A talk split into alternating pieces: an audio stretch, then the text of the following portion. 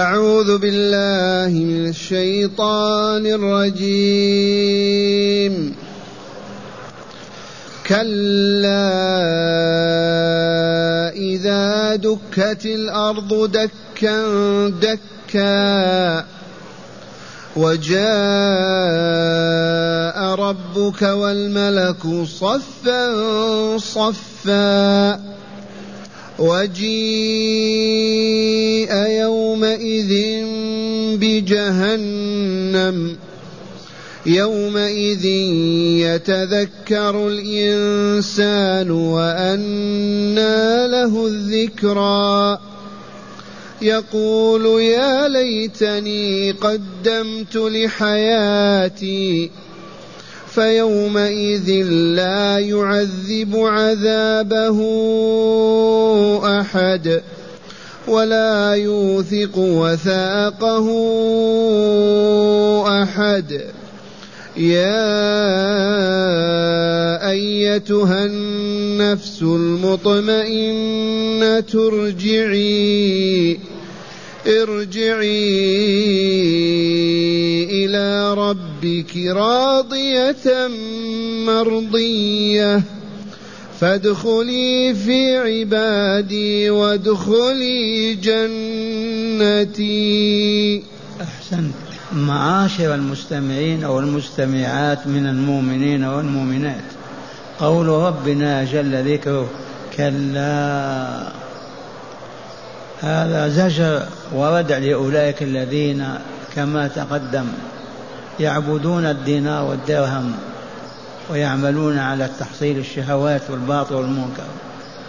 فزجرهم بقوله كلا وردعهم.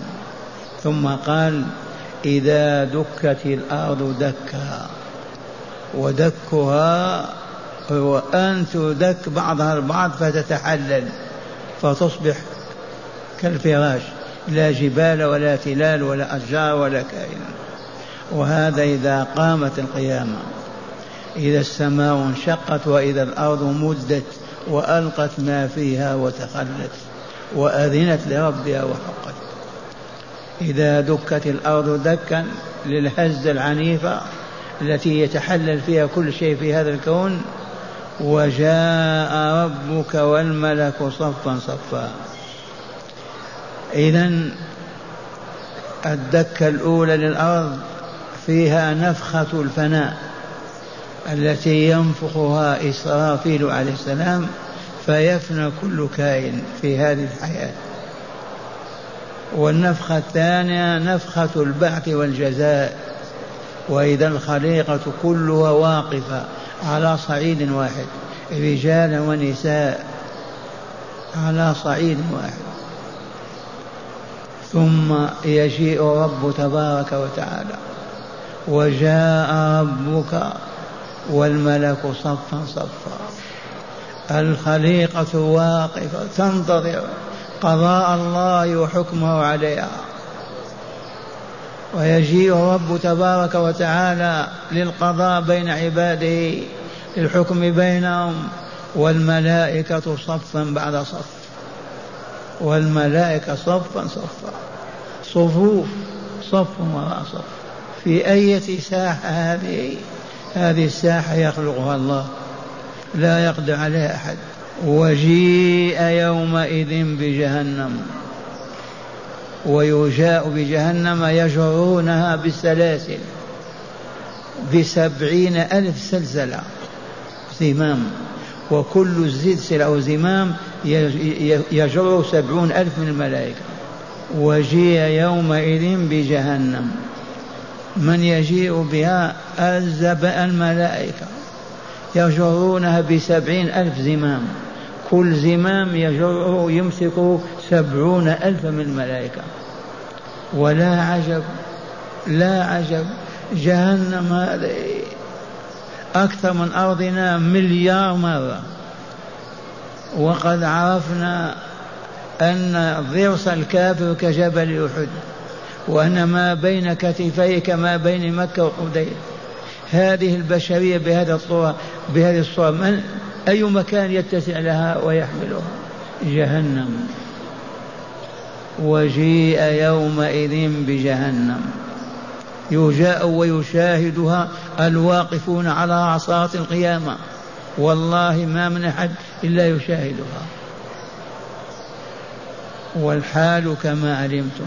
جاء الرب تبارك وتعالى ليحكم بين عباده والملائكة صفور صف بعد صف ويجاء بجهنم ويشاهدونها ثم يقضي الله بين عباده.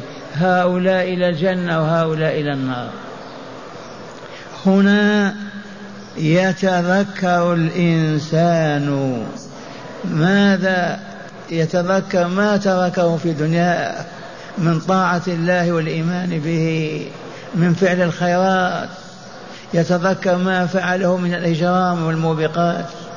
ما ارتكبه من الفسق والفجور من الشرك والكفر. يتذكر أيام كانت الرسل تدعوه إلى أن يؤمن بالله وحده ويعبده.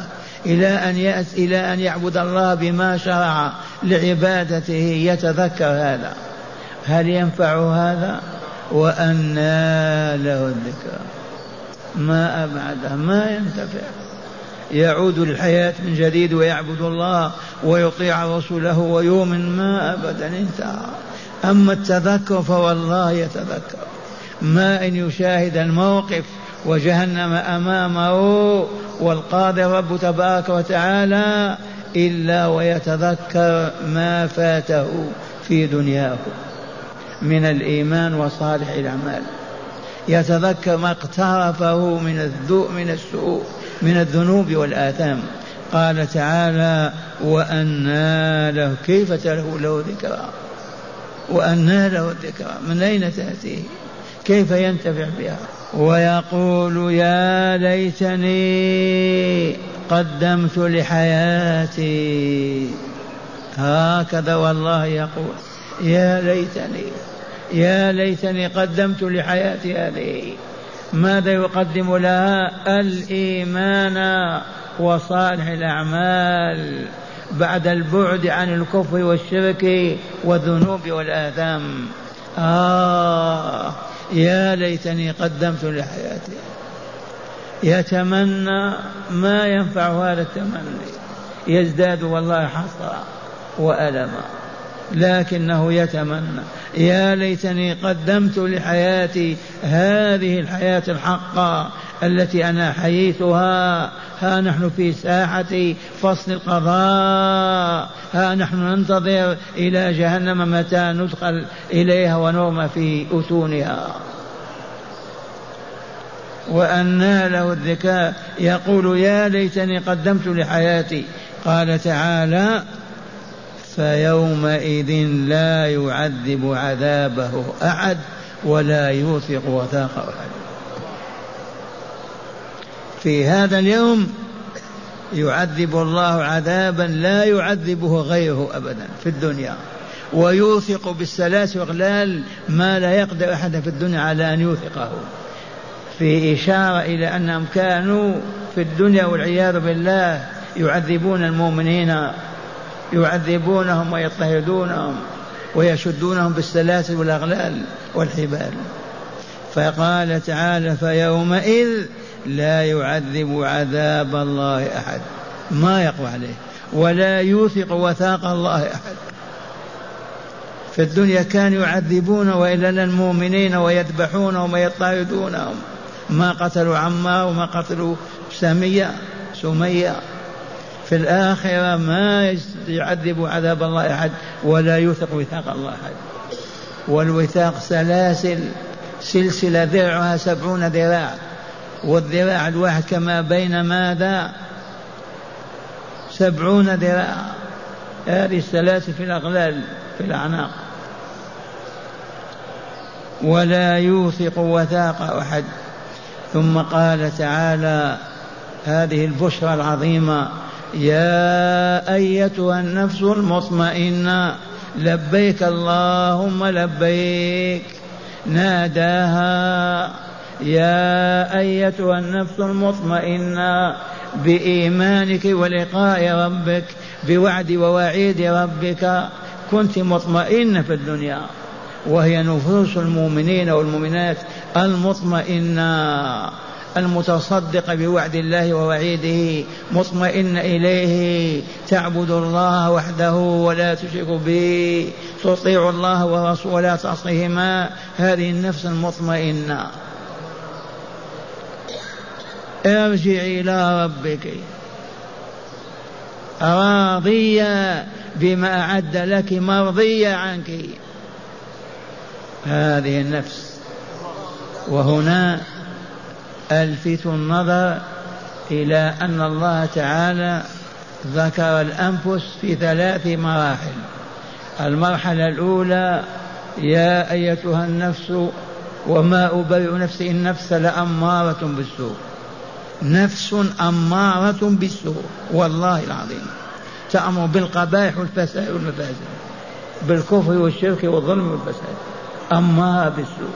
كما قال نبي الله ورسوله يوسف وما أبرئ نفسي إن النفس لأمارة بالسوء. هذه مرحلة. المرحلة الثانية لا أقسم بيوم القيامة ولا أقسم بالنفس اللوامة. المرحلة الثالثة يا أيتها النفس المطمئنة. فأول حال النفس أنها والعياذ بالله تعالى أمارة بالسوء. يأخذ الصالح يهذبها ويؤدبها ويراوضها على الطاعات والعبادات حتى تصبح تلوم على المعصية. إذا فعلت تلوم ما ترضى وتقتنع. يواصل تأديبها وتربيتها حتى تصبح مطمئنة. لا تعصي الله ولا تخرج عن طاعته. عرفتم معشر المستمعين والمستمعات؟ مراحل النفس ثلاثة. الأولى والله لأمارة بالسوء. بالزنا والفجور والربا والكفر والكذب هذا شأنها. فإذا أردت أن تهذبها وعملت على إصلاحها وتذيبها فآمنت وأخذت تعمل الصالحات ترجع إلى الصواب ولكن تكون لوامة تفعل السوء ولكن تلوم عليه. يفعل ذنبا ولكن تلوم نفسه على فعله. لأنها ما كملت.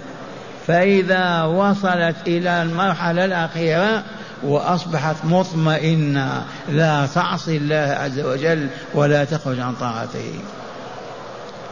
يا أيتها النفس المطمئنة ارجعي إلى ربك راضية مرضية.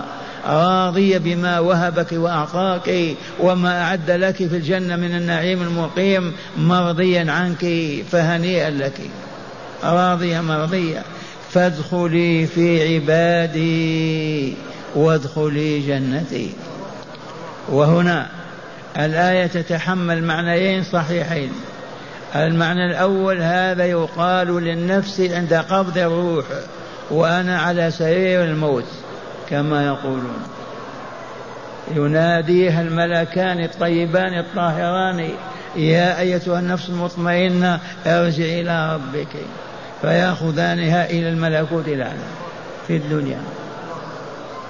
لكن مطمئنة وإلا لا طاهرة نقية. والوجه الثاني المراد في الآية أيضا هو في عرصات القيامة لما يتم الحساب يأخذ الله هؤلاء ويقول اذهبوا إلى الجنة. راضية مرضية فادخلوا في عبادي وادخلوا جنتي متى؟ لأن النفخة الثانية التي سميناها نفخة البعث. كذا ولا لا؟ أولا تنبت الأجسام تحت الأرض. وطول الجسم كطول آدم ثلاثون ميل كيلو. ثلاثون ستون ذراعا. متساوية. أربعين سنة أو أربعين يوما. وقد اكتمل خلقها وتمت وأصبحت قابلة للحياة.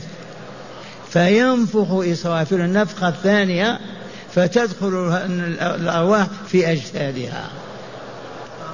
تدخل الأرواح في أجسادها ولا تخطئ روح جسدها أبدا. كل روح تدخل في جسدها تعرفه وتحفظه. وهذا من جلال الله وكماله. إذا يقال ادخلي في عبادي وادخلي جنتي. أولا ادخلي في عبادي بعدما هم أجساد فقط على الأرض ثم بعد ذلك ادخلي جنة هذا اللفظ الكريم يصدق لهذين المعنيين. هكذا يقول تعالى فارجعي إلى ربك راضية مرضية فادخلي في عبادي وادخلي جنتي.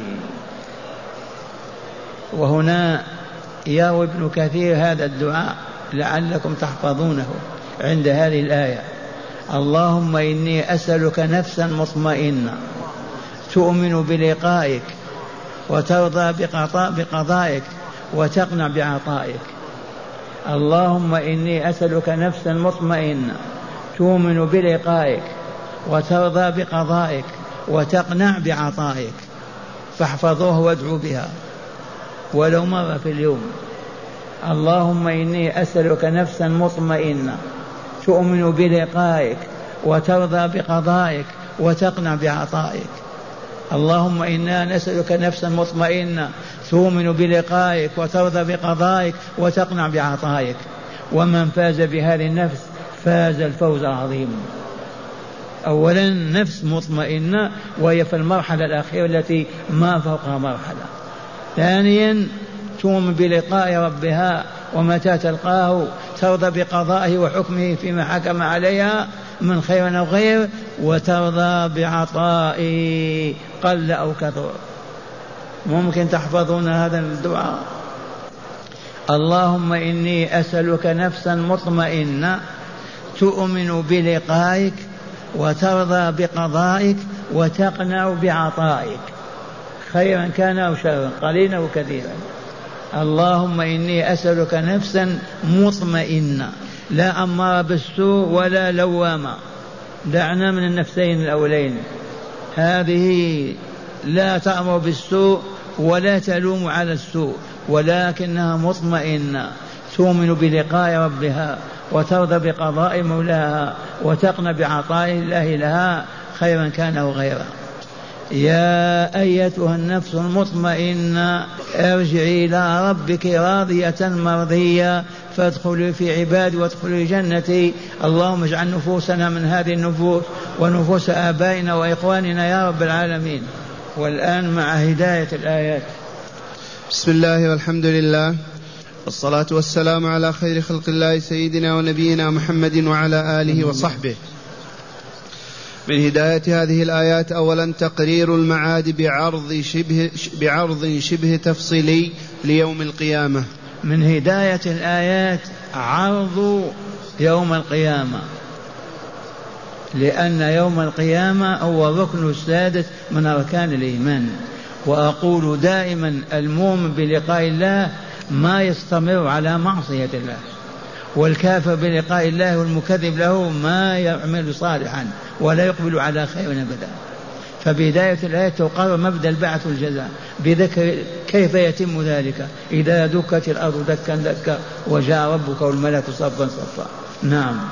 ثانيا بيان اشتداد حسرة المفرطين اليوم في طاعة الله تعالى وطاعة رسوله يوم القيامة. من هداية الآيات بيان أن المفرطين اليوم في طاعة الله وطاعة رسوله المقبلين على الفسق والفجور والكفر والعياذ بالله يتحسرون حسرة عظيمة حسرة عظيمة ولا تنفعهم أبدا. يتذكر الإنسان ولما وأنى له الذكر هل ينفعه ذلك؟ ما ينفعه لكن هي حسرة له يصاب بها يوم القيامة. نعم. وأخيرا بشرى النفس المطمئنة بالإيمان وذكر الله ووعده ووعيده عند الموت وعند القيام من القبر وعند تطاير الصحف. هداية الآيات بيان بشرى النفس المطمئنة عند الموت في الدنيا وعند بعثها وعند دخولها الجنة دار النعيم. اللهم اجعل نفوسنا من هذه النفوس. والآن نستمع الآيات مجودة أعوذ بالله من الشيطان الرجيم. كلا إذا دكت الأرض دكا دكا. وجاء ربك والملك صفا صفا. وجيء يومئذ بجهنم. يومئذ يتذكر الإنسان وأنى له الذكرى. يقول يا ليتني قدمت لحياتي فيومئذ لا يعذب عذابه أحد ولا يوثق وثاقه أحد. يا أيتها النفس المطمئنة ارجعي. ارجعي إلى ربك راضية مرضية. فادخلي في عبادي وادخلي جنتي. أحسنت. ما ننسى الدعوة التي ذكرتها لكم. اللهم إني أسألك نفسا مطمئنة تؤمن بلقائك وترضى بقضائك وتقنع بعطائك فمن أعطي هذه النفس والله لكأن أعطي الدنيا وما فيها. والله عطاه خير من الدنيا وما فيها. فقط هذه النفس. والآن مع بعض الأسئلة والإجابة عنها. بسم الله والحمد لله والصلاة والسلام على رسول الله. بداية فضيلة الشيخ كثيرا ما تأتي مثل هذه آه، الكلمات والأوراق لوما وعتابا على من يقدم الأسئلة ومنهم من يدعو علي ومنهم من يقول لا أسامحك إلى يوم القيامة وما إلى ذلك من هذه الكلمات وذلك لأننا لا نعرض أسئلتهم إما فضيلة الشيخ لطولها وإما لأنها لا تناسب المقام وإما لأنها خاصة بهم فنرجو آه، السماح من الإخوة ونرجو التوجيه أيضا من الشيخ. يا معشر المستمعين يا أبناء الإسلام هذه سويعة فقط ما زمن طويل وتأتي الأسئلة بكثرة والوقت محدود. ثم نحن متفقون على أن نقدم السؤال المجدي النافع الذي ما يثير غضبا ولا تعبا ولا يوجد سببا لإنهاء هذا الدرس. فنرجو من أبنائنا وإخواننا إذا قدموا سؤال ما أجيب عنه أن يحمدوا الله فقط ولا يقول لماذا ما أجيب عن سؤالنا. هذه ما هي دنيا هذه آخرة. نرجو نرجو من الإخوان من قدم سؤالا ولم يجب عنه أن يحمد الله ويسكت. لا يلوم من يقدم الأسئلة ويسأل ويقرأها ولا يلوم غيره أيضا. فليصبر وليحتسب. ما كل سؤال يقدم أبدا وما كل سؤال يجاب عنه.